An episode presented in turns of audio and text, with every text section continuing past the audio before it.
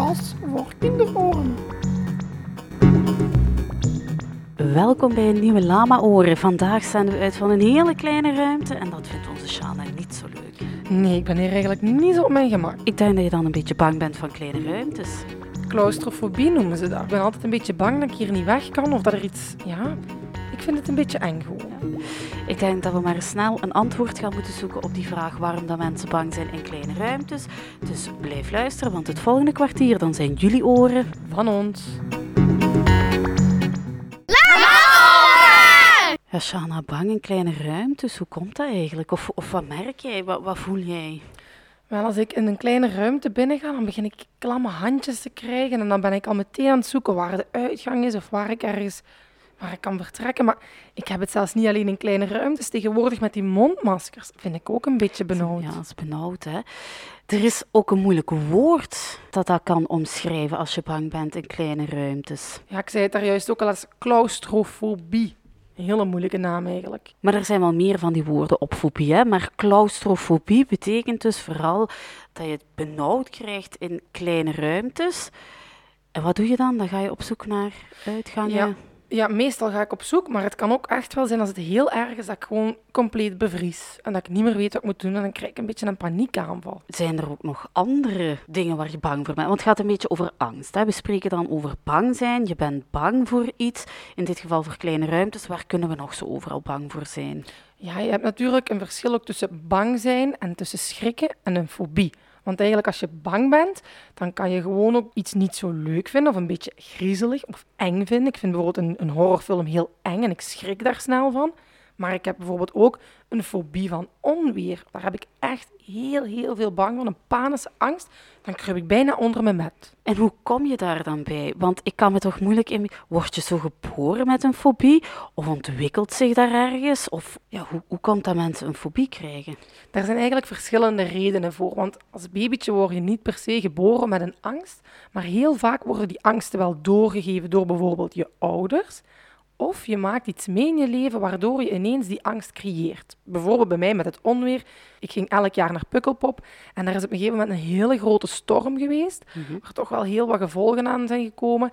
En ik heb daar echt zo'n grote angst op gedaan dat ik sindsdien heel veel bang heb voor onweer. Dan ga je eigenlijk terug, hè, stel vandaag onweert het, dan denk je eigenlijk altijd terug aan dat andere moment en dan voel je precies terug de angst of dan ben je even bang als toen dat je dan bang was. Ja, klopt. Maar ik zeg het, je kan niet alleen bang zijn voor onweer. Hè. Mijn nichtje heeft arachnofobie. Heb je daar al eens van gehoord? Uh, nee, uh, dat klinkt... Zeg het nou eens. Arachnofobie. Dat is toch een vreemd woord? Dat is zo'n woord voor zo'n akelig beest met acht poten. Spinnen, spinnenfobie, bang voor spinnen. Ja, ja, ja, en met Halloween zie je ze overal opduiken.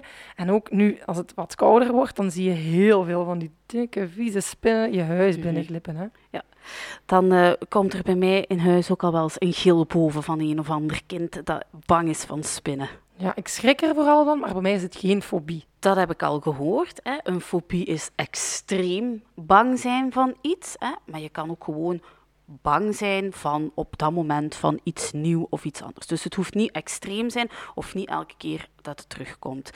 Wat kan je nu eigenlijk, kan je dat oplossen? Kan je daarvan genezen? Moet je er pilletjes hmm. voor nemen? Het is een beetje een moeilijke. Hè? Sommige kinderen die nemen wel eens druppeltjes of zo om, om rustig te worden. Voor mijzelf helpt het ook heel hard om bijvoorbeeld lavendelolie uh, achter mijn oren te smeren. Daar word ik altijd heel rustig van.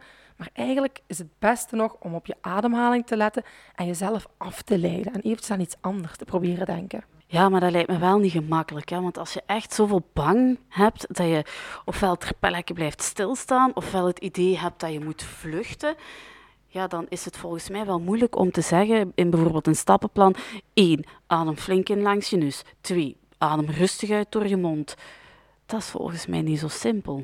Ja, en het is vooral ook heel belangrijk dat je jezelf niet gaat verliezen en niet hysterisch gaat beginnen denken. En ik probeer dan altijd realistisch te zijn van hoeveel mensen zijn er al effectief doodgegaan in een kleine ruimte zoals deze? Of wat is nu het ergste wat er eigenlijk kan gebeuren? Ja. Een beetje relativeren. Ja, relativeren of het ook gewoon aanvaarden. Hè? Want als er inderdaad iets gebeurt of iets eng gebeurt, ja, dat overkomt jou maar gewoon. Hè?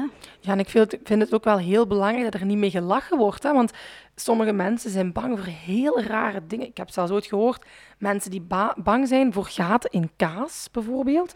Een hele rare fobie. Of voor de oh. honinggraten. En zo. Die, hebben, die mensen hebben bang van gaatjes.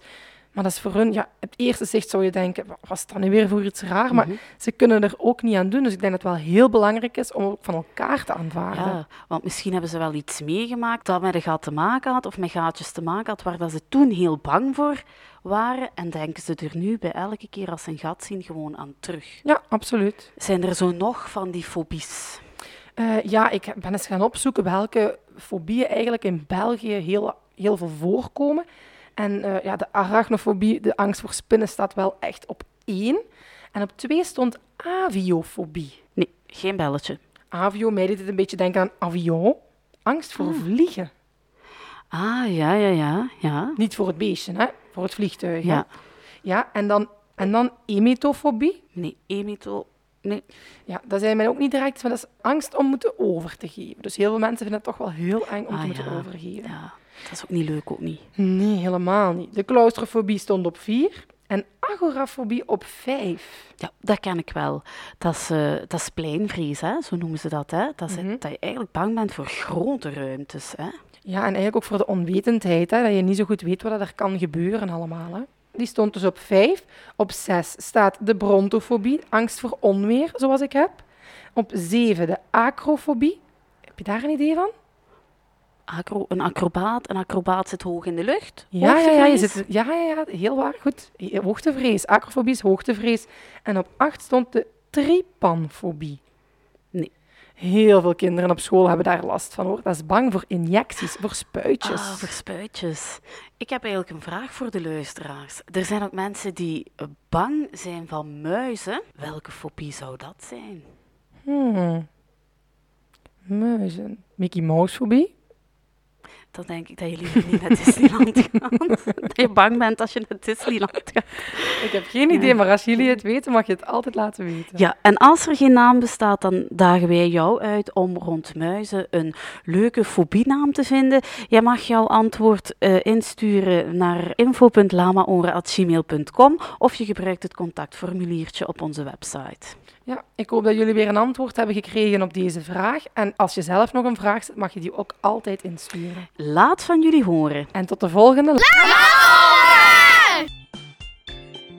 Je luisterde net naar Lama Oren, een knotsgekke productie voor kinderoren. De presentatrices zijn niet verantwoordelijk voor eventuele gehoorschade. Een dikke merci aan alle kinderen, juffen, meesters en lama's die meewerkten aan deze podcast. En voor jou een groot applaus voor het luisteren.